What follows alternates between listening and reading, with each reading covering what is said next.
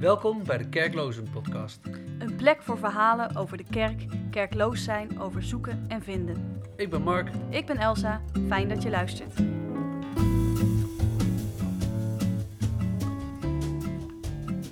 In deze aflevering spreken we met Michael van Oostende. Pas geleden verscheen zijn boek Uit de hemel komt geen hagelslag. Hij vertelt zijn verhaal en waarom hij tot deze conclusie is gekomen. En het is ook logisch, hè, want waar we het net ook over hadden, op het moment dat dat model van hemel en hel nog staat, dan is dat ook het meest cruciale natuurlijk.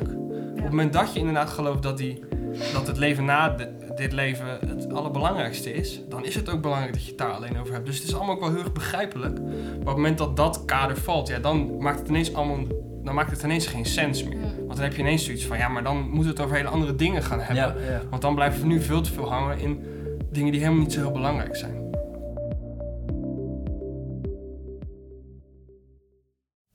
Nou, goedenavond Michael. Leuk eh, dat je er bent. Leuk dat ik er kan zijn. Te gek. Van heel ver weg. Ja, redelijk. Uit Middelburg helemaal. Dus eh Dat is best een eindje dat is rijden. redelijk een eindje naar Zwolle. Super tof dat je deze afstand hebt willen afleggen om hier te zijn. Ja. Met je verhaal. Zeker. Ja.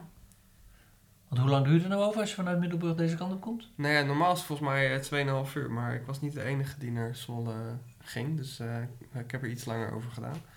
Maar eh, Dat valt tegen. ja, een redelijk eentje. Ik hoorde je net nog iets zeggen over Oosteinde, je achternaam van Oosteinde. Waar, eh, Ja, de meeste mensen kennen het van de Vlaamse badplaats Oostende. Maar volgens mij komt het daar niet vandaan. Volgens mij komt de naam oorspronkelijk wel ook uit Zeeland. Maar eh, die plaats in Zeeland moet ik zeggen dat ik die niet ken. maar echt een raszeeuw dus. Ik ben er niet geboren. Ik ben... ik heb een dalende lijn in de Nederlandse Bijbelbelt gemaakt. Dus ik ben in Ede ooit begonnen en eh, in Zeeland eh, geëindigd. Oké. Dus Ja, dit is wel een beetje een, eh, een hoofdstad natuurlijk van de Bijbelbelt wat Ja. dat betreft. klopt. Dus daar ben ik begonnen en eh, zo afgedaald naar, naar Middelburg. Afgedaald. in Afgedaald te hellen. Prachtig. Mooi. hey, maar vertel eens iets over jezelf. Wat, ehm, eh, wat doe je? Wie ben je? Waar kom je vandaan? Ik ben eh, Micha van Oostende. Ehm, als mijn werk werk ik bij een uitzendbureau. Ehm, maar eh, in mijn vrije tijd ben ik schrijver. Ik schrijf eh, gedichten, eh, liedjes, eh, proza en een eh, klein beetje toneel. Ehm, en dat doe ik met heel veel plezier. En je hebt ook een hip-hop verleden volgens mij. Hip-hop verleden, ja, daar is het ooit allemaal begonnen. Als eh, rapper Mike L. Maar dat. eh, Is er nog wat te vinden online? er jou? zijn, ja, daar is bewijsmateriaal van. Ja, Oh, dat is nog wel ergens terug te vinden. Is dat- YouTube? Maar eh, ja, dan kom je wel ergens terecht. Hey, en hoe eh, is je ehm, eh, verleden wat dat betreft qua, eh, qua God, geloof, kerk? Waar sta je? Ja, Waar stond je? Ik ben altijd evangelisch-christelijk geweest. Ik ben eh, opgedragen ooit in een evangelische kerk als baby. Ehm, daarna heb ik de, alle spectrums wel gezien, van evangelisch tot pinkster, baptist. Ik ben op mijn veertiende gedoopt in de baptistenkerk in Middelburg. Mhm. En eh, tot mijn 23ste lid geweest van die kerk. Eh, Ik ben nu 26. Op mijn 23ste heb ik mijn lidmaatschap daarop gezegd. Oké, En sindsdien kerkloos. Hm? vandaar dat jij bij ons aan Dus tafel zit. vandaar eh, Ja. dat ik hier terecht ben gekomen. Ja, Dus dat is drie jaar geleden. ja zoiets denk ik. Ja. wat, wat, wat heeft jou dan bewogen om daar, eh, daar weg te gaan? Dat is echt een heel lang proces geweest. Ik ben niet iemand die... eh, eh, ik ben redelijk loyaal en ook niet iemand die heel erg houdt van verandering. Dus dat heeft heel lang geduurd voordat ik die stap heb eh, kunnen zetten. Ehm, en ik heb er ook echt wel helemaal in gezeten. Je hoort ook wel eens verhalen van mensen die altijd al een beetje eh, aversie hadden tegen wat ze in de kerk meekregen. Of het vanaf het begin af aan niet allemaal geloofden. Ik heb er echt, ben er echt helemaal in gedompeld geweest. Mhm. Ehm, dus ehm, ik heb het echt allemaal geprobeerd en gedaan. Je hebt echt met vlaggen gelopen. Nou, ik heb niet zelf met de, Liggen vlag, schuimbekken. eh, van, met de vlaggen ge- ge- gezwaaid, maar eh, ehm, ja, ik heb, wel, ehm, ik heb het wel allemaal mee willen maken, zeg Ja. maar, en het willen proberen. Eigenlijk, als in, het, in het kort is het, eh, de, het vertrek van de kerk is beginnen met één heilig huisje een klein beetje om te timmeren. En merken dat hij niet zo stevig staat. En dan kijken of de rest wel stevig staat. En achterkomen dat er heel veel eigenlijk niet zo stevig Oh, staan. ja. Hm. En naarmate er meer in donderen op een gegeven moment achterkomen, ja, dan, dan is er wel heel veel hier wat helemaal niet klopt wat hier gebeurt. Wat was voor jou dan dat eerste heilige huisje waarvan je op een gegeven moment merkte... hé, hey, dit is helemaal niet solide, zo solide als dat ik altijd heb gedacht? Ja, dat zijn er denk ik twee geweest. Eén is eh, het, het, het geloof in wonderen, in de Mhm. meest letterlijke zin van het woord. Ehm, ik, ik heb daar heel erg naar gestreefd, naar wonderen. Ja. Dus ik, heb, ik ben de echte de Pinksterconferenties er allemaal af geweest. ehm, tot, tot de vrij extreme aan toe. En, ehm, waar heel veel werd gepraat over genezingen en alle soorten van wonderen die je maar kan, kan bedenken. Mhm. En ik heb, ik heb altijd wel gedacht van oké, weet je, als je daar dan naar streeft, dan ga je dat op een gegeven moment ga je dat ook ervaren. En dat gebeurde nooit. En dat is eigenlijk aanleiding geweest om er eens wat dieper in te duiken. En om eens te kijken van nou, hoe kan het nou dat, dat, dan, dat ik dat dan niet zie? Dat dat dan niet gebeurt in mijn omgeving. En, dat, ehm, dus, en, en, en daar ben ik over gaan lezen en dan ben ik documentaires over gaan kijken. En dat is een van, van de eerste die zeg maar omviel toen. Mhm. Een andere is eh, het hele zwart-witte hemel-hel denken. Oh ja. Ehm, die, eh, die omviel voor mij. Ehm, waar ik ja, op een gegeven moment gewoon niet meer, eh, ja, niet meer achter kon staan of niet meer eh, me in kon vinden. En eh, waarvan ik me niet meer kon voorstellen dat dat zo zou zijn wat het eh, zou moeten zijn. Ik heb toen ook dat boek van, eh van Rob Bell op een gegeven moment Oh ja. over gelezen. Love wins. Ja, Ja. en ehm, ja, dat was ook een van die die toen wel om, omviel op een gegeven Ja. moment.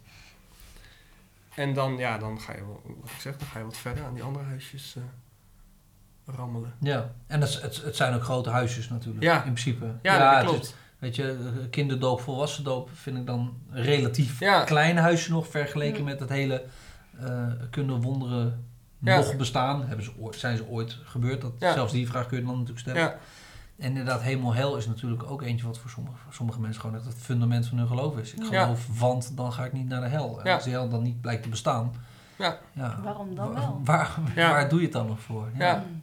dus Ja. die eh, vielen om. En dan, kijk, dan begint eigenlijk pas, eh, afbreken is niet zo heel moeilijk. Nee. Dat is redelijk te doen. Het moeilijke is om dan iets te gaan opbouwen. Hmm. Ehm, bijvoorbeeld die wonderen is voor mij heel lang een... ehm, dus echt het feit dat God zo eh, bewogen is met mensen... dat hij in gaat grijpen in mensenlevens... op het moment dat daar vindt dat hij daar iets moet gebeuren. Dat is heel lang wel een heel belangrijk thema geweest. Tot ik me kan herinneren dat ik op een gegeven moment... Dat, dat viel voor mij viel dat weg. En toen was er een enorme leegte. En daar moet dan iets... Ja, je voelt, daar moet iets voor in de plaats komen. En ik weet nog dat ik toen ik een tekst las van Etty Hillesum... Die ehm, eh, zat in, eh, dat is een Joodse, die zat in Auschwitz. En die schreef op een gegeven moment, eh, ik ben tot de conclusie gekomen hier dat God niets doet. Hm. Wat eigenlijk voor haar natuurlijk ook de enige logische conclusie was die je daar kan trekken. Hmm. Maar dat is dat afbreken wat ik bedoel. Dat is redelijk eenvoudig om die conclusie te stellen. En dan, dan is dus de vraag, wat ga ik nu doen? En de woorden die ze toen schreef hebben voor mij heel veel betekend. Want toen schreef ze, wat het dus betekent is dat het dus aan ons is om datgene wat God in ons geplaatst heeft, om dat te beschermen. Hmm. En ehm, omdat zij er ook van overtuigd was dat het goede er wel was. En dat er wel Ja. iets, iets in zat wat meer was dan alleen maar het leed wat ze zag. En dat, is voor mij, dat was voor mij een van die nieuwe huisjes die ik daar dus kon gaan opbouwen. Van oké, dus op een gegeven moment trek je de conclusie van... eh, we moeten niet alleen maar van God gaan verwachten. In de zin van, we moeten eh, wachten op dat hij echt heel erg hard inbreekt in, eh, in, de, in de kosmos of in wat dit is. En, ehm, maar de, God heeft hier wel iets ingelegd. Wat Ja. wij dus op, blijkbaar op de een of andere manier moeten gaan, eh, moeten gaan ehm, beschermen.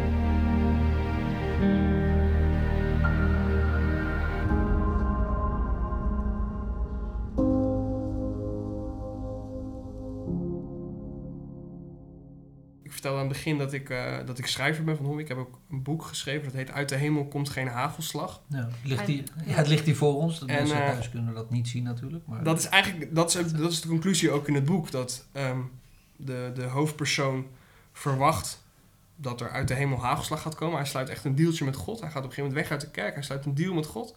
Hij zegt, God, als je het hagelslag laat regenen, dan ga ik terug. Hm. Ehm, en op een gegeven moment komt hij uit de conclusie, tot de conclusie van...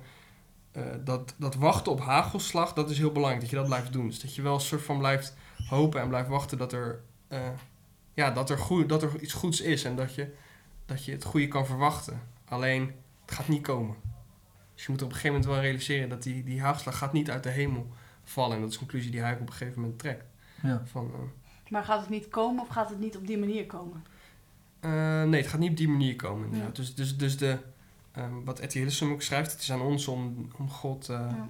eh, eh, te bewaren in onze harten. Dat wat God is, of dat wat Mhm. wij God noemen. Ehm, maar dat, ja, we moeten in, zij heeft op een gegeven moment wel conclusie ook gewoon, ik ga, ik ga nu niet verwachten dat eh, God met een soort van eh, de hand van God eh, Auschwitz hier Mhm. eventjes gaat Ja. oplossen. Nee. En dat, ehm, dus dat is, dat is toen in de plaats gekomen van een van die huisjes die viel. En, hoor je haast een soort dogmatisch of spiritueel eh, kolonisten van Catan eh, s- spelen. Over eh, huisjes afbreken, Ja, huisjes opbouwen, nou nieuwe wel- wegen vinden. Ja. En, eh, maar dat, dat speelbord, als we dan toch in die metafoor zitten, dat is wel altijd het, eh, het christelijk geloof geweest. Ja. En, en daar heb je ook niet buiten nee, gekeken. nee. Ehm, heb je daar even over, heb je dat overwogen of heb je je daarin verdiept? Of denk je nee, er zit toch blij, er zit echt iets in, in het verhaal van Jezus of in het evangelie of in de Bijbel. Waarvan ik denk, hé, hey, dat, dat, ja, dat ja daar, daar, daar zit wel, eh, daar ben ik altijd binnen gebleven. Ehm, ik denk dat dat. eh, en, en- en de meest voor de hand liggende reden is dat natuurlijk dat dat is. eh, dat is mijn verhaal. Dat is het verhaal waar ik in ben opgegroeid. Ja. En dat is het, de, het kader waardoor ik de wereld bekijk. Dat is de meest eh, voor de hand liggende redenatie.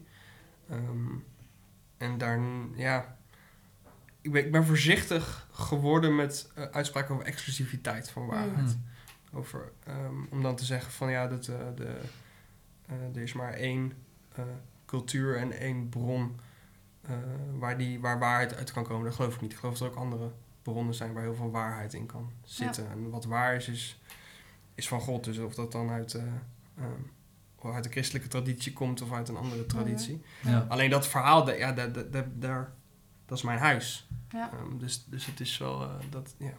Kan je iets vertellen over, je bent eh, eh, opgegroeid, je, je jeugd, je vroege jeugd, hoe het in jullie gezin was als het ging om, om evangelisch christen zijn? Hoe zag dat eruit? Waar, in welke dingen zat dat allemaal? Ehm, Ehm, kan je daar iets over vertellen? Eén beeld dat ik nog heel erg voor de geest kan halen is dat ik een keer als klein kind naast mijn vader stond die in tongen aan het bidden was. Hm. Dat is een beeld wat nog op de een of andere manier in mijn netvlies zit, wat heel erg indruk gemaakt heeft toen de tijd. Ehm, en, ehm, en een ander beeld, wat een heel positief beeld voor mij is, is hoe eh, mijn vader altijd voor het slapen gaan eh, eh, een zegenliedje zong. Hm. Ik schrijf er in mijn boek ook een stukje over. Over dat dat een enorme magie altijd geweest is voor mij. Want hij hield altijd zijn hand voor de lamp. Die daardoor een soort van rode gloed kreeg. En, Mm. eh, voor mij is dat altijd heel erg symbool geweest voor, eh, ja, voor dat, dat zegenen. Dat daar blijkbaar een bepaalde kracht van uitging. Ehm, en de, de kracht die er nu nog in zit is aan de ene kant heel erg nostalgisch. Natuurlijk, omdat het de, veilige, de veiligheid van je kindertijd symboliseert. De echte eh, spirituele waarde die daarin zit, die is voor mij wat afgebrokkeld. Dus dat het echt dan een... eh, ja, ik vind het moeilijk om het te verwoorden, maar dat er, dat er echt dan een soort van kracht uit die hand ging of iets Mm, dergelijks. Ja, dat, mm. dat is er dan wel vanaf. Maar dat daar iets zit en dat daar een soort van magie van uitging, dat is altijd wel gebleven. Hm. Wat, Ja. dat, dan ook, wat dat dan ook is. Zie je die hand terug in andere dingen op dit moment?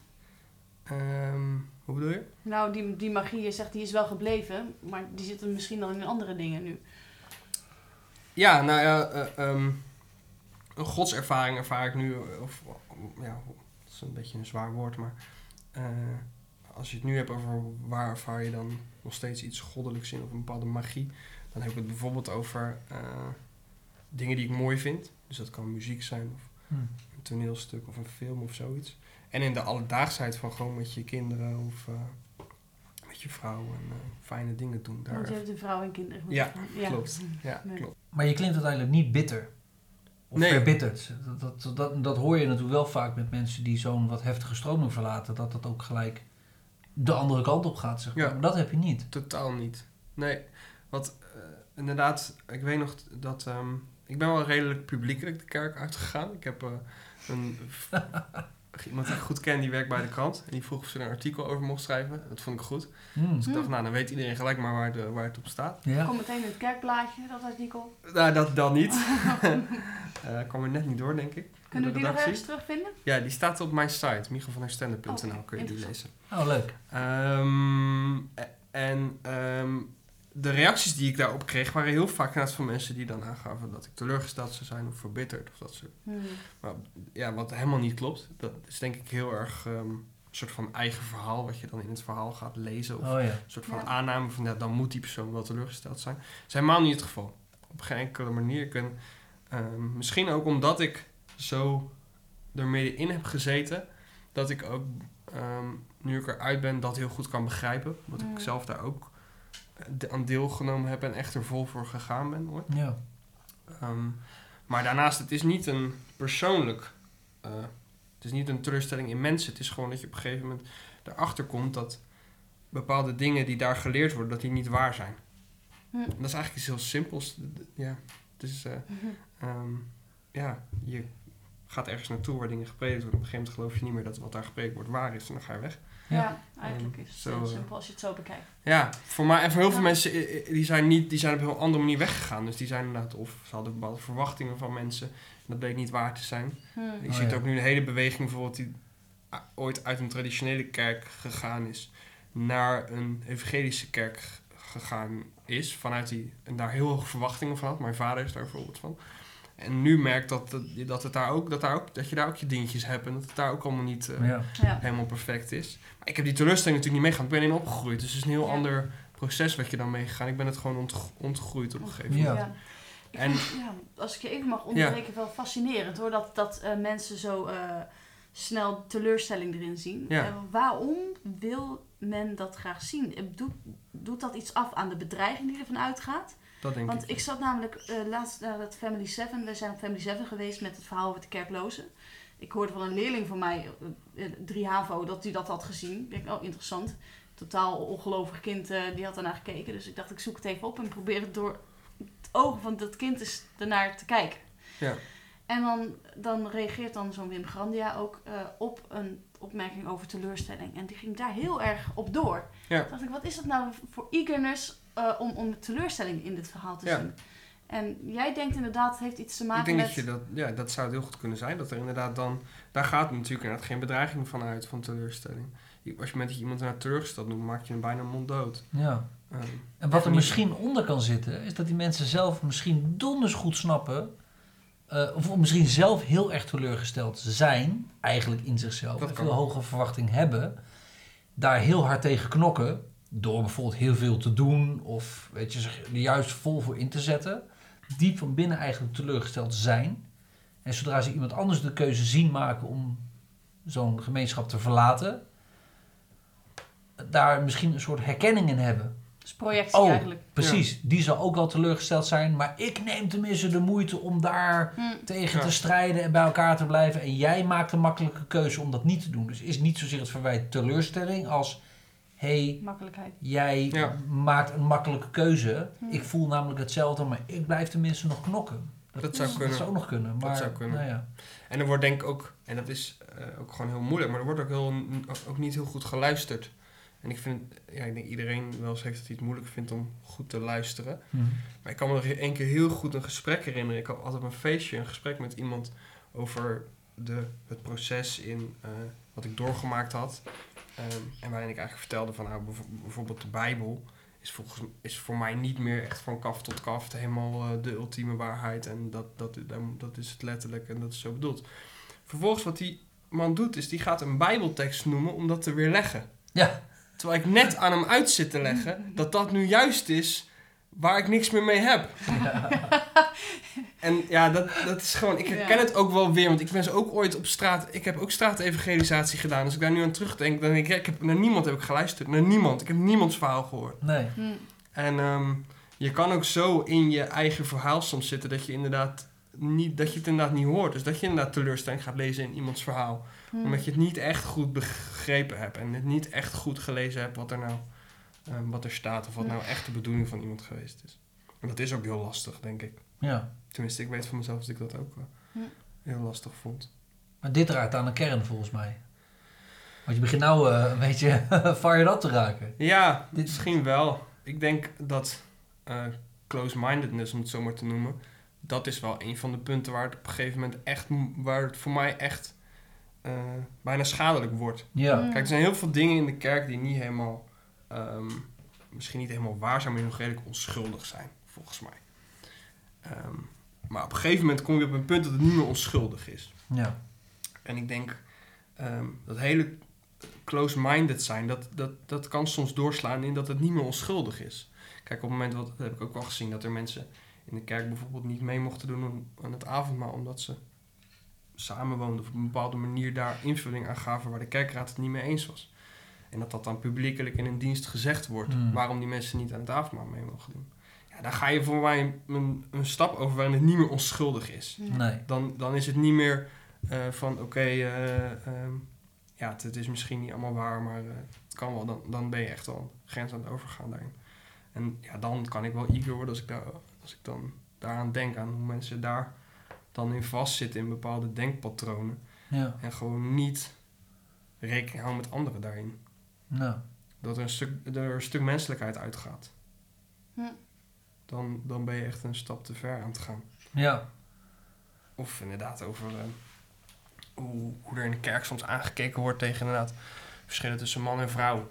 Ja, daar kan ik me ook over opwinden. Of over eh, eh, homoseksualiteit of dat soort thema's. Dan ben je voor mij ben je dan echt. Ehm, ja, dan, dan, gaat, dan gaat het echt te ver. Ja. Dus, dus de bepaalde lijnen die jij ehm, gewend was om te hebben vanuit jouw opvoeding, vanuit jouw kerkverband, die ehm, zijn er voor jou niet meer. Die zijn geen issue meer, maar het zijn nieuwe lijnen geworden eigenlijk, als ik jou zo hoor. Eh, het gaat meer nu om eh, menselijkheid, hoor Ja. ik je zeggen. Ja. Ehm, en en nu, nu kunnen die door mensen overschreden worden. Ja. En ik snap dat dat dan een ingewikkelde situatie is waar, waar, eh, waar je in een setting zit waar mensen die bepaalde lijnen hebben. Dit is voor ons belangrijk en dit is hoe we leven, dit zijn onze geboden, zo zijn onze Ja. manieren. Mhm. Eh, maar jij hebt een compleet andere set van. eh, Klopt. ja. Dat is heel lastig. Ik kan me nog een, een, een fase herinneren, of een gesprek herinneren. Ik, ik heb eh, ehm, met een aantal vrienden hebben we een ontwikkelingswerkproject in Kenia opgezet. En ik kan me nog herinneren dat ik een keer een gesprek had met de eh, zendingsverantwoordelijke bij ons in de kerk. Die heel erg aan het doorwagen gevraagd was wat wij dan aan evangelisatie deden. Oh ja. Waarbij ik zei, nou ja, iedereen is christen daar. Eh, ze hebben alleen heel erg honger. Dus vind je het goed als ik ze brood geef? nou ja, maar dan is het geen, geen zending. Dan is het, eh, eh, weet je, dan kunnen we net zo goed eh, eh, het Rode Kruis binnenhalen. Maar sorry, dan kan, kunnen we het niet onder zending zetten in de kerk. Dan, kan- dan kan het niet uit dat budget. Hm. Ehm, dan zul je echt eh, eh, aan evangelisatie moeten doen, want dat is zending. Dat ik, ja, gewoon echt toestand van, Ja, jongens, volgens mij heb je er echt helemaal niets van begrepen. ja, com- Ehm. compleet, compleet andere gedachten. En wat hebben ze dan Ja. niet begrepen? Eh, waar het om draait, in mijn optiek. Dus, dus inderdaad die menselijkheid. Op het moment dat, en dat is, ehm, dat is ook, dat noem ik ook altijd als een van de hoofdredenen waarom ik weggegaan ben, is dat er met name in de echt evangelische kringen eh, een, soort, een stuk maatschappelijke relevantie heel vaak ontbreekt. Dus het blijft heel erg hangen in thema's over hemel, over genade, over ehm, gewoon de spirituele thema's, maar ze landen te weinig. Dus ze Hm. komen te weinig terecht bij wat je daar dan op de alledaagse dag mee kan. Wat de wereld daarmee kan. Ik vond het hoogtepunt van maatschappelijke relevantie meestal het kinderliedje.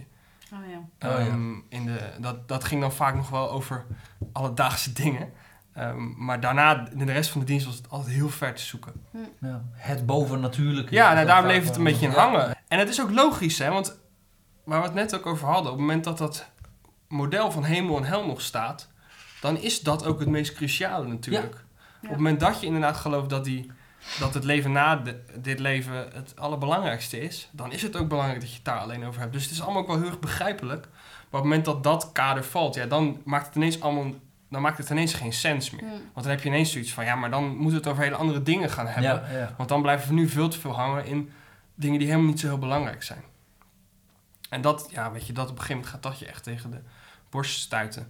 Nu ga ik, op het moment dat we nu naar de kerk gaan eh, met het gezin, gaan we heel af en toe nog wel naar een, eh, eh, een wat traditionelere PKN-kerk met een wat Mhm. progressievere dominee. En ik weet nog dat ik het zo'n verademing vond. De eerste keer dat ik daar was, was de week van Charlie Hebdo. En preek ging daarover. Dus het ging over, Ja. oké, dit is gebeurd deze week. Wat betekent dat nou voor ons als christenen? Wat kunnen we daarmee? En ik, ik had, ja, dat was voor mij echt een enorme verademing. En Dat, dat ik dacht van, ja, weet je, nu hebben we het in, is ergens over. Het Ja. gaat ergens over. ja. In plaats van dat het te veel blijft hangen. En het is ook heel veel taal, ben ik achtergekomen in, eh, in die kring waar ik uitkom. Heel veel taal die gebruikt wordt zonder dat er heel erg duidelijk mensen nou begrijpen van wat ze nou eigenlijk Ja. zeggen. Ja. ja. Ik kan me nog herinneren dat ik nadat ik de kerk verlaten was, een keer naar een eh, ehm, echt wel een hele evangelische kerk ging. En dat daar een gebed gebeden werd, ehm, waarin ze die foto aanhaalden van het Syrische jongetje die eh, aangespoeld was. Ik geloof het een Syrisch Hmm. jongetje was. Of in ieder geval een vluchteling ja. Vlucht was aangespeeld. Maar in ieder geval hem allemaal. dat fotootje. beeld. dat ja. fotootje. Dus ik had al zoiets van, wow, er wordt iets over de wereld gezegd. Dus mijn, ik was gelijk scherp. Mm. En vervolgens werd er gebeden dat hij God dankte dat God ons zo niet eh, hulpeloos liet aanspoelen. Waarbij ik echt rond aan het kijken was van, Huh? horen die mensen, ben ik ergens anders? Zijn, Ja. heb, heb ik iets anders gehoord? Heb ik het niet verstaan? Maar dat, ik was ervan overtuigd dat ik het goed gehoord had. Maar dat ik echt moet kijken van, waarom, waarom gebeurt hier niks? Mm. Waarom doet iedereen alsof dit normaal is? Maar volgens mij is het inderdaad omdat er, er op een niveau van taal eh, blijven mensen hangen Mm. waarin het niet landt. En waar het niet... eh, ja, het is, het, is, het is heel erg die, die, die vorm waar mensen in blijven hangen. Het is En- veilig. ja, Ja. of dat op een gegeven moment, het was diezelfde dienst, dat er constant verteld werd over dat angst verkeerd is. Terwijl als je er zo over nadenkt, hoezo is angst verkeerd? Angst is een hele nuttige emotie volgens mij, die in heel veel Ja. situaties heel... En eindeloos ging dat maar door en het werd gehamerd dat we volledig van onze angst af moesten. Ik dacht, nou, volgens mij is dat geen goed idee. Nee. Om helemaal van onze angst af te kunnen. En dan wordt je En- angst voor angst aangepraat. Ik bedoel, ja, Ja, dat het was enorm weer, bijzonder. En ja, misschien dat ik dat ik dat het eh, dan sommige mensen zullen hier ook teleurstelling in gaan lezen hoor, dat ik in zo'n dienst dan elke zin heel erg aan het analyseren Mm. Maar als je gewoon eens kritisch luistert naar wat wordt er nou eigenlijk gezegd, dan ja, er zijn heel veel dingen die gewoon niet logisch zijn. Nee. Die gewoon als je zegt van ja, volgens mij gaat die is niet goed. Volgens mij zijn we in een soort van eh, spelletje blijven hangen. Doet af en toe doet het een beetje denken aan politiek, waarin het ook dan bepaalde lege zinnen zijn die heel herhaald worden, waarvan je denkt van ja, Wat zeg je Wat nou, zeg je nou eigenlijk? Ja, ja. Ja, ja, zeker. Mijn ervaring bij een... ehm, ehm, overigens helemaal geen vervelende ervaring hoor. Maar toen ik eh, vrij jong christen was, iets van 22 of zo... was ik een tijdje lid van een evangelische gemeente in de, de plaats waar ik toen woonde. Ik heb me er ook laten dopen en dat was gewoon be- best een goede plek. Eh, maar ik ging op een gegeven moment ook meespelen met de band daar zo. Een keertje, een keertje meeoefenen om te kijken of het wat was. En van tevoren werd er dan gebeden en natuurlijk ook lang en uitgebreid. Mhm. En eh, prima. Ik was allemaal niet zo heel erg gewend, maar goed, hè, ik eh, geloof in God, dus dat doe je dan mee. En eh, er was een dame die eh, op een gegeven moment vol, vol vuur inderdaad God dankte, de Heer der Heerscharen. Dus na het amen zei ik, joh, Heer der Heerscharen, wat betekent dat eigenlijk? Kriek, kriek. kriek, kriek. Geen idee. Heer der Heerscharen, ja, je zegt het maar, want hij zal het wel zijn ja, ja, eh, leuk. En ja, weet je, sommige dingen werken nou eenmaal ook zo dat dat, dat, Mm. dat gebeurt. Maar nou ja, ik, ik herken wel je, je ehm, wat je opmerkt, Ja. zeg maar. Dat, dat, dat- dat ontstaat er heel snel een soort jargon ja, waar we een soort gedeeld gevoel bij hebben, wat we naar elkaar uitspreken en dat voelt dan goed. ja, Mm. Maar ja, God dan maar klakkeloos Heer de Heer Scharen blijven noemen, omdat Ja. we denken, hé, hey, dat is kicken, terwijl we eigenlijk Ja. niet weten waar we het over Ja. hebben. Ja, kijk, en het laatste, daar zit het probleem. Want het is niet erg dat je bepaalde vormen hebt en bepaald jargon hebt en dat je bepaalde eh, tradities hebt. Ik denk, ik zie daar zelfs heel erg de waarde van in. Mhm. Alleen wat wel heel belangrijk is, is dat je die niet een eigen leven gaat laten leiden. Dus dat je wel constant je blijft afvragen van oké, wat zijn nou die, wat is dan die kern waar deze, dit hele, deze hele uiting uit voortkomt? En is het daar nog trouw aan? En Ja. heeft het daar nog iets mee te maken? En het lijkt soms een beetje alsof het een heel, dat- alsof het een heel eigen leven gaat leiden op een Mhm. gegeven moment. En het niet meer, ehm, en het heel ver afdwaalt van waar het vandaan komt. Ja. Ehm, Het is echt wel heel nuttig trouwens, eh, als ik dat zo hoor van... eh, jij was net christen, dus jij, jij laat het heel verfrissend geluid horen. Jij gaat vragen stellen over dingen die iedereen eh, al aannam dat ze dat wisten.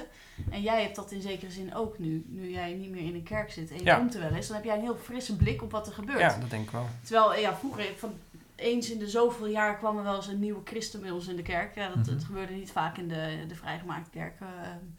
eh, maar als dat zo was, dan was iedereen er heel enthousiast over vanwege dat verfrissend eh, geluid wat je dan hoort. Mensen Ja. gaan leuke Ja. vragen stellen die niemand anders nog stelt. Maar ik denk dat dat voor iemand die uit de kerk is gestapt, dat daar minder open of enthousiast op wordt gereageerd. Ja, omdat, dat, Omdat dat, het omdat bedrijf- wat we net zagen, wat erin Ja. zat, dat mensen heel snel die teleurstelling erin lezen. Ja, Ja. precies. Terwijl ik denk, oh, laten we dit gewoon met beide handen aanpakken. Wat voor, ja, hoe, hoe dit ons de ogen ook kan openen. Ja. Hoe mensen in de kerk ook de ogen kan openen. Ik denk ook wel dat het wel lastig is. Omdat je wil als kerk ook in een bepaalde positieve vibe blijven hangen. Zeker in een tijd van ontkerkelijking is het natuurlijk ook... Kijk, weet je, dat- je kan er niet omheen dat er nu sprake van is. Mhm. Ehm, als je naar de cijfers kijkt. En ehm, de, de, de uitdaging voor de kerk is natuurlijk ook om in een bepaalde positieve vibe te blijven hangen. Van oké, wat is dan nog wel wat, we, wat ons nog samenbindt en waar we dan nog wel mee bezig willen zijn. Dus ik denk dat het echt heel lastig is om eh, in dat verhaal een stem te geven aan de mensen die weggaan.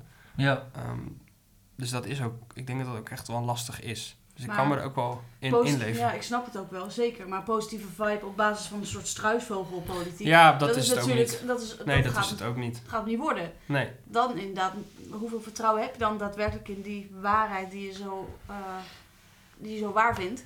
Ja. Eh, ja, hangt het allemaal van jezelf af? Of kan die ook bestaan buiten jezelf om? En als dat zo is, als die waarheid buiten jezelf o- o- om bestaat, kan je best wel even snuffelen aan een paar eh, Ja. heftige, stevige vragen, toch? Dat Ja. denk ik ook. Ja.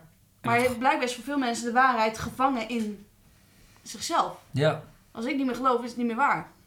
Ja. Of zo. Ja, ik weet ook niet wat het is. Het is natuurlijk ook altijd een soort van idee dat de duivel op de loer ligt. Hè? Ja. En dat die, eh, Oeh, donders. Nee, hemel hoor. en dat die eh, je probeert eh, van je geloof af te krijgen. En op het moment dat je dat een keer in Dawkins gaat lezen, dat de duivel op elke bladzijde op je zit te wachten. En Je zult de naam van de duivel niet ijdel gebruiken, eh, zou ik me Ja. voorstellen. Ja, ja. Ja, kom even. bijna wel, ja. Hmm. En als je nou kijkt naar, naar de, de toekomst, een beetje een groot onderwerp natuurlijk, maar hoe, hoe zie je, want je bent nu 26 zei je. Ja. Dat is wel iets waar ik 15 enorm dat is wel iets waar ik enorm over aan het nadenken ben. Wat ik ehm, echt wel lastig vind, is ik heb... We hebben het nu vooral gehad over een beetje de negatieve kanten van de kerk. Maar als Mhm. ik terugkijk, dan kijk ik wel vooral naar het positieve. Mooi. Dat is heel veel geweest. Ehm, ik heb heel veel aan de kerk te danken gehad. De meeste van mijn vrienden heb ik daar leren kennen. Hmm. Zijn nog steeds mijn vrienden. Ehm, en ook, ik denk heel veel dingen die ik meegemaakt heb. Dat we met een jongere groep naar Tsjechië gingen en daar eh, met z'n allen heel erg een saamhorigheidsgevoel hadden. Waarvan ik me afvraag of andere mensen die niet in de kerk opgegroeid zijn, of die dat ook op die manier ervaren. Ja. Dat heeft mij heel veel gebracht, die tijden. Hmm. Ehm, dat we inderdaad met z'n allen in dat zolderkamertje eh, zaten te bidden voor de stad. En eh, ja, weet je, los van het feit dat ik het niet meer geloof, maar het, was, het heeft me zoveel gebracht. En die kampen en eh, nou, noem het maar op. Eh, de reizen naar het buitenland. En, eh, en, en, het, en het gewoon saamhorigheid en het, de sociale, het sociale vangnet wat je erin vindt en de hulp die je aan elkaar krijgt. Nu zit ik niet meer in een kerk. En ik heb nu twee kinderen. En als ik niet meer naar een kerk ga, dan ga, ga ik hun dat dus niet kunnen geven Hmm. Ja. dan ga ik hun dat niet kunnen bieden. Eh, dat waar ik zelf zoveel aan gehad heb in mijn kindheid. En dat is wel iets waar ik echt wel oprecht mee zit. Ja. Ehm, waar ik me wel afvraag van ja, ehm, ik heb dan niet meer besloten om, eh, omdat ik denk dat het niet meer, eh, dat, er, ja, dat er gewoon dingen niet waar zijn daar. Maar de hele, eh, de hele sociale aspect ervan is wel iets wat ik denk ik, ja, waarvan ik me wel afvraag, dat zou ik fijn vinden om dat mijn kinderen wel te kunnen meegeven. Maar ik weet niet hoe. En Ja. dus dus de, de, hoe ik de toekomst daarin voor mezelf zie, dat is iets waar ik, nou, waar ik wel veel over nadenk. Waarvan Ja. ik me wel afvraag van ja, wat zou dan zo'n vorm kunnen zijn waarin dat wel past. En, eh, En wat, stel hè, eh, de, de kerk, dus eh, los van jou over, over tien jaar, wat, wat, wat, hoe, hoe zit dat met de kerk zelf? Zie je nog een toekomst voor de kerk? Is het aflopende zaak? Wordt het vernieuwd? Hoe... Heb je daar nog een eh, gedachte over? Ja, ik vind het wel heel lastig ehm, hoe ik dat, dat zie. Ik, wat ik zeg, ik vind maatschappelijke relevantie heel erg belangrijk. Dus Ja. daar moet het voor mij over gaan in de kerk. De kerk moet een plek zijn waar, ehm, ja, waar in ieder geval iets, iets gebeurt wat relevant is, ook voor mensen buiten de kerk. En dan heb ik het niet alleen maar over evangelisatie en eeuwig leven, maar ja, echt over ehm, wat betekent dit verhaal nou voor ons alle dag. Ja. Ehm, dus dat is wat, da- daar moet iets gebeuren. Ehm, dat moet centraal staan. En wat gebeurt nu te weinig? In veel kerken denk ik dat het te weinig gebeurt. Ik denk Ja. dat er kerken zijn waar dat gebeurt. Ehm, maar ja, en ik, het is ook heel, heel erg lastig. Ik kan me herinneren dat ik een keer ergens las dat de kerken die het meeste geven aan goede doelen zijn oh, voor tijdens het leven, zeg maar, zijn de kerken die het meest aandacht hebben voor eeuwig leven, dus voor na dit leven. Wat eigenlijk bijna compleet mijn theorie overhoop gooit. Ja. Ehm, wat ik enorm fascinerend vond ook. En dat is ook heel erg de spagaat, denk ik, waar je in zit. Omdat op het moment dat je die hele vaste waarheden laat vallen, kom je in een, is, het, is het risico dat je in een bepaald soort van vrijzinnigheid komt. Ik ben een aantal keer naar vrijzinnige kerken geweest, waar ik me heel erg kan vinden in wat er eh, geleerd wordt en waar ik heel erg geïnspireerd word. Alleen er gaat op de een of andere manier op geen enkele manier een bepaalde soort van urgentie vanuit. Nou ja. Het, ehm, dat gevoel krijg je nergens. En dat verklaart denk ik ook heel erg waarom inderdaad die ehm, er toch op de een of andere manier in de echt traditionele kerk, waar het ook heel erg over hemel en hel gaat, waarom daar wel heel veel goede doelen en zo wordt gegeven. Ook gewoon over ontwikkelingswerk en dergelijke. Ja. Ehm, dus dat is ook een soort van gekke tweestrijd waar je dan, ehm, waar je dan in komt, denk ik. Ik denk als je de kerk te... ehm, ik denk dat die angst van als je de kerk te vrij maakt, dan, dan verwatert het ook. Ik denk dat die angst ergens ook wel terecht is, die heel veel mensen hebben. ja. Ehm, Voor, voor het slappe postmoderne. Ja, nou, precies, Als precies. het me goed voelt. Ja. evangelische. nou, precies. Ik denk dat die angst die veel echt traditionele eh, kerkgangers hebben, dat daar echt wel een kern van waarheid in zit. Mhm. En dat maakt het ook enorm lastig om na te denken over van... oké, waar moet het dan naartoe? Want het is niet meer dat oude model, dat is het niet meer. Nee. Maar voor mij dat hele... eh, inderdaad, ik denk dat hele... helemaal postmoderne kant van het spectrum is het ook niet. Nee. Dus het zit daar ergens tussenin.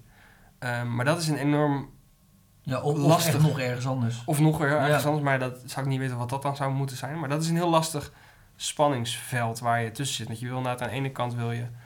eh, vanuit ja, een bepaald, je wil dat er een bepaald soort urgentie van je verhaal uitgaat. Ehm, maar je wil ook niet dat het een dwingend soort van urgentie Nee. is.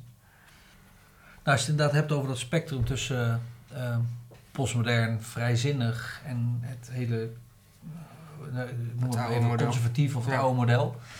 Ehm, ik denk ook dat er inderdaad dat er meer is dan dat. Ja, Ja. dat eindeloze framen van mensen in, in een hokje stoppen, dat, dat, is, eh, dat gebeurt nogal veel. Ja, Ja. En dat, dat is misschien ook eh, logisch in, in onzekere tijden, een soort houvast of zo. Een soort van verstimpeling van de complexe werkelijkheid. Van nou, die zit in dat hok en ik zit in dit hok. Mhm. Maar ehm, nee, dat, dat is inderdaad gewoon jammer als je daarin eh, blijft hangen. Iets, iets Ja. van openheid. Dat- Datgene wat jij hebt gezegd, dat is echt iets wat ik heel belangrijk vind. Eh, tegenovergesteld van close-mindedness. Gewoon die openheid. ja. Dat is echt eh, is ook een, een soort geloofsdaad of zo.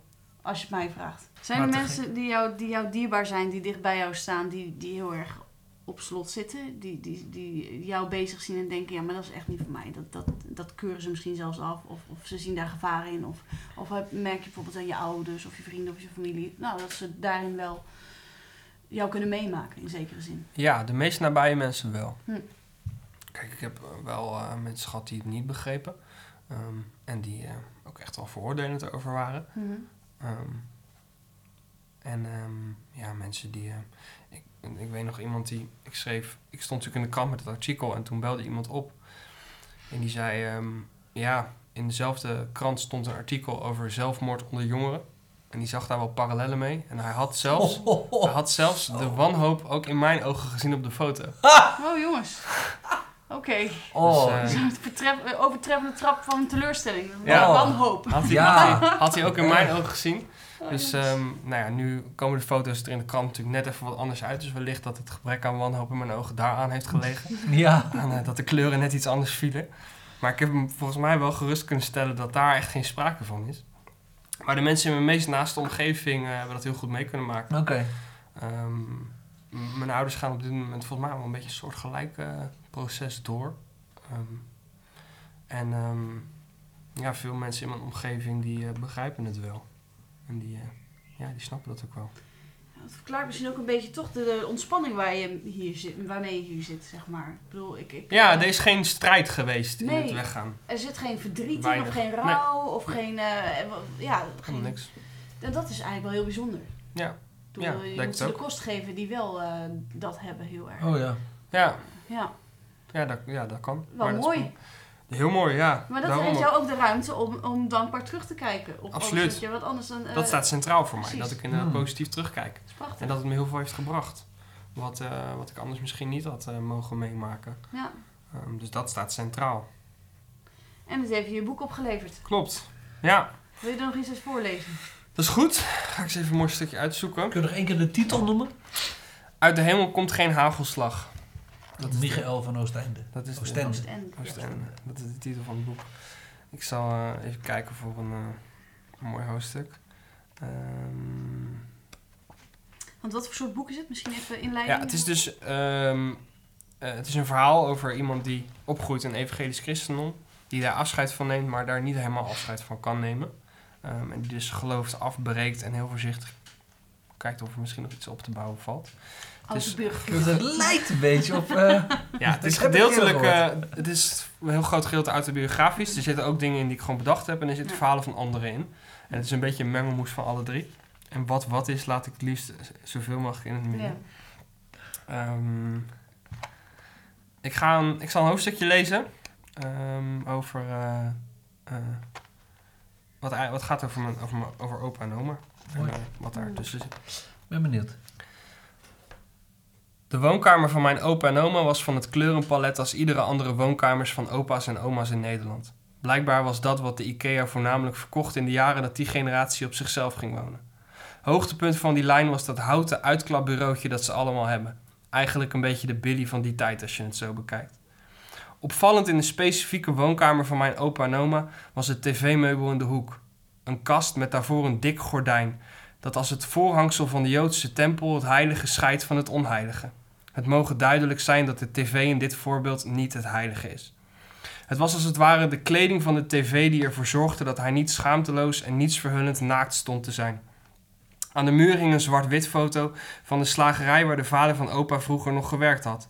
Opvallend was dat iemand ooit op het lumineuze idee gekomen is om een gedeelte van deze foto met groen en rood in te kleuren.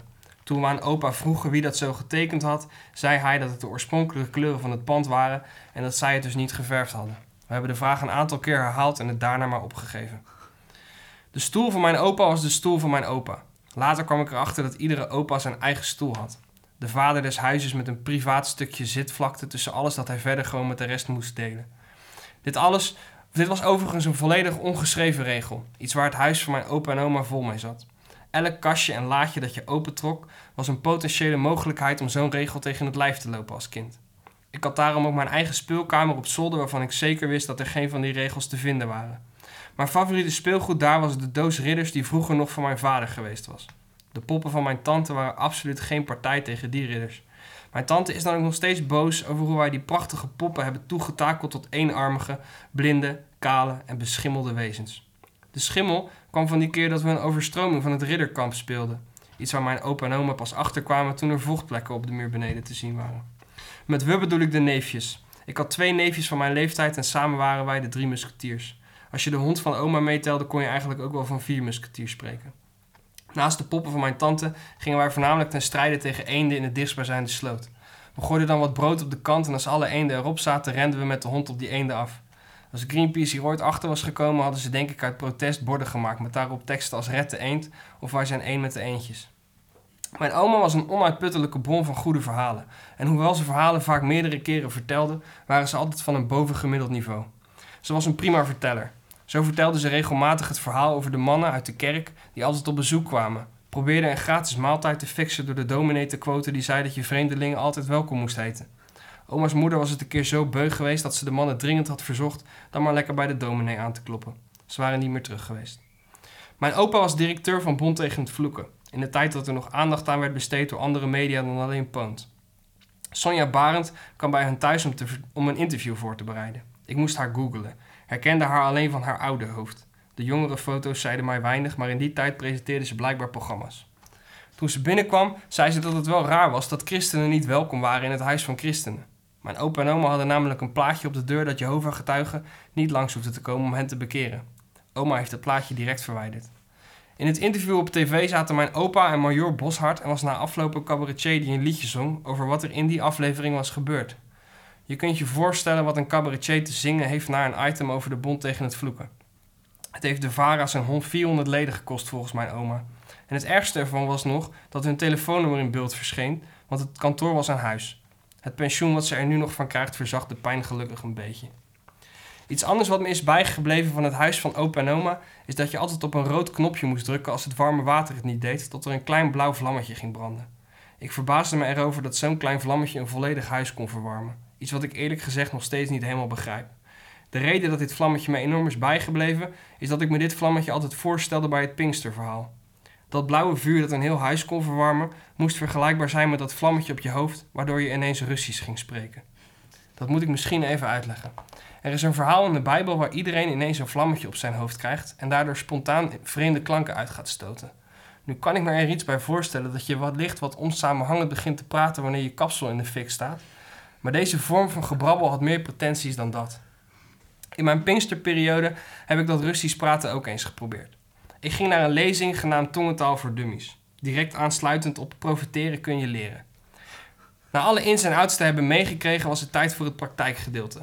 We moesten allemaal in een kringetje gaan staan en nazeggen wat de predikant zei. Per slot van rekening was tongentaal een taal net als alle andere en leer je dus door imitatie. Het eerste woord wat we leerden was uiteraard Shabba.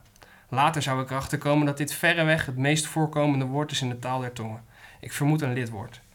Het tweede woord was Karaka, gevolgd door Bakurashigala. Met de laatste hadden een aantal in de groepen grote moeite. Een Brabants meisje kreeg het niet voor elkaar geloofwaardig over te komen. De krachtige taal die de Heilige Geest ingeeft, had bij haar een te hoog Guus Meeuwis gehalte. En hoewel Kedegedeng een prima tongentaalwoord is, worstelde ze zichtbaar met wat Gods oordeel zou zijn over haar zachte G. De predikant stelde haar te rust, gerust. Oefenen was de sleutel. Zelf was ik een vrij snelle leerling. Mij werd één uur oefenen per dag voorgeschreven. En als tip kreeg ik mee om het op te nemen en terug te luisteren. Zo kon ik precies zien waar ik kracht verloor en dus nog aan moest werken. Toen ik het terugluisterde, vond ik met name de volgende zin behoorlijk goed klinken. Barakaba shamalish, ito malikara, bubu kalafa, shaba, shaba, amen. Ik heb het wel geteld drie dagen volgehouden. Hoewel ik merkte dat ik zeker vooruitgang boekte, was de opname een bijzonder slechte tip. Een beetje zoals foto's van een avond stappen die je de volgende dag op Facebook tegenkomt. Sommige dingen kunnen beter in het verborgene blijven. Desalniettemin is dat vuurtje bij opa en oma mij altijd bijgebleven. Toen opa overleed was ik 23. Het was de eerste keer dat ik definitief werd geconfronteerd met de ongelovige eindigheid van het bestaan. Toen mensen langs zijn open graf liepen voor een laatste groet, stond de familie aan de andere kant ervan. De meeste mensen gaven een knikje naar de familie en wierpen daarna een korte blik naar beneden. Een moeder trok haar zoontje mee en vertelde hem om door te lopen. Likte vervolgens aan een zakdoek om aan zijn vlekken weg te vegen. Een man dacht zichtbaar aan wat Ajax die avond daarvoor had gedaan. Vond daar troost in. Ik heb net bedacht dat ik doodga, zei een andere man tegen een vrouw die haar paraplu probeerde te openen. Die rij had een structuur en dynamiek die voor mij op geen enkele manier paste bij dat moment.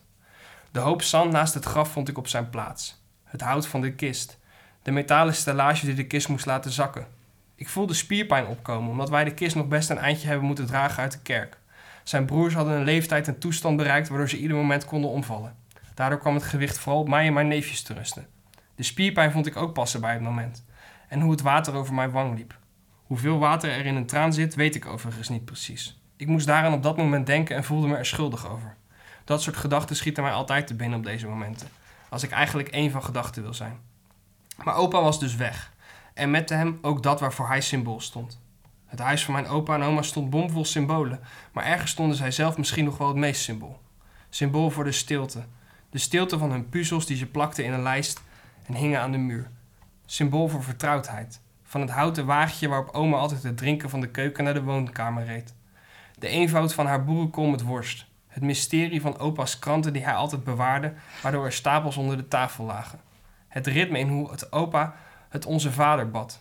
Dagelijks dezelfde woorden, een leven lang. En in de koekoeksklok, zijn constante tik. Het vogeltje waar je naar uitzag, hoe de tijd nog moest worden opgewonden. De onschuld in onze wandelingen naar de kinderboerderij, toen kinderen nog vies mochten worden. De veiligheid in oma's schoot en in de liedjes die we daar zongen. Over schaapjes en over Paulus. Maar het meeste nog wel de zachtheid van hun tapijt. Van dat wat zij mij leerde. De andere wang. Terwijl mijn familie napraat over de begrafenis van opa, weeg ik mijn woorden zorgvuldig af. Dat ze niet te zwaar en niet te licht bevonden worden. Maar bovenal nog wel dat ze zachtjes vallen. Ik bedenk dat het idee van een eindig leven zonder hiernamaals me juist troost geeft. Dat zou te hard vallen. Bedenk de keer dat hij me vertelde dat hij eigenlijk een hekel had aan honden, maar dat ik dat absoluut nooit verder mocht vertellen. Dat zou te licht zijn, te luchtig. Dus ik zeg dat er geen woorden voor zijn. Onzin natuurlijk. Er zijn juist woorden voor. Woorden zijn eigenlijk het enige dat er nog van over is. Ik heb woorden in overvloed. Prachtig. Te gek. Thanks. Ja, Dankjewel. dat is echt mooi. Dank je. Super. Ja. Nou, we wachten op het audioboek. Ja, wel, wat mooi Ja, nou, dat zou ik eens kunnen doen, inderdaad. Top. Cool. Te gek. Uit de hemel Ja. komt geen hagelslag. Ja. Supergoed. Yes, ik doe Dat even is Matthijs van Nieuwkerk. Ja, Ik laat even het boek zien. Koop www.michaelvanostende.nl hartstikke goed. Ja, Michael van Oostende.nl. Oké, Dat is hem. cool. Top. Hartstikke bedankt. Dankjewel dat je hier wilde zijn. Ja, Ja. jullie bedankt. Graag gedaan. Heel graag. Het is En, een, eh, een eer. We gaan er misschien nog wel meer, eh, nog wel meer van je horen. Zou leuk zijn. We zien uit naar de trilogie. Wie weet. eh. Hey, dankjewel.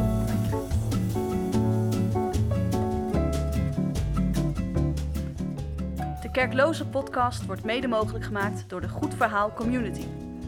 Door hun financiële support kunnen wij tijd en middelen vrijmaken voor het verzamelen van deze verhalen. Wil je ook bijdragen? Kijk dan op www.goedverhaal.community. Dankjewel.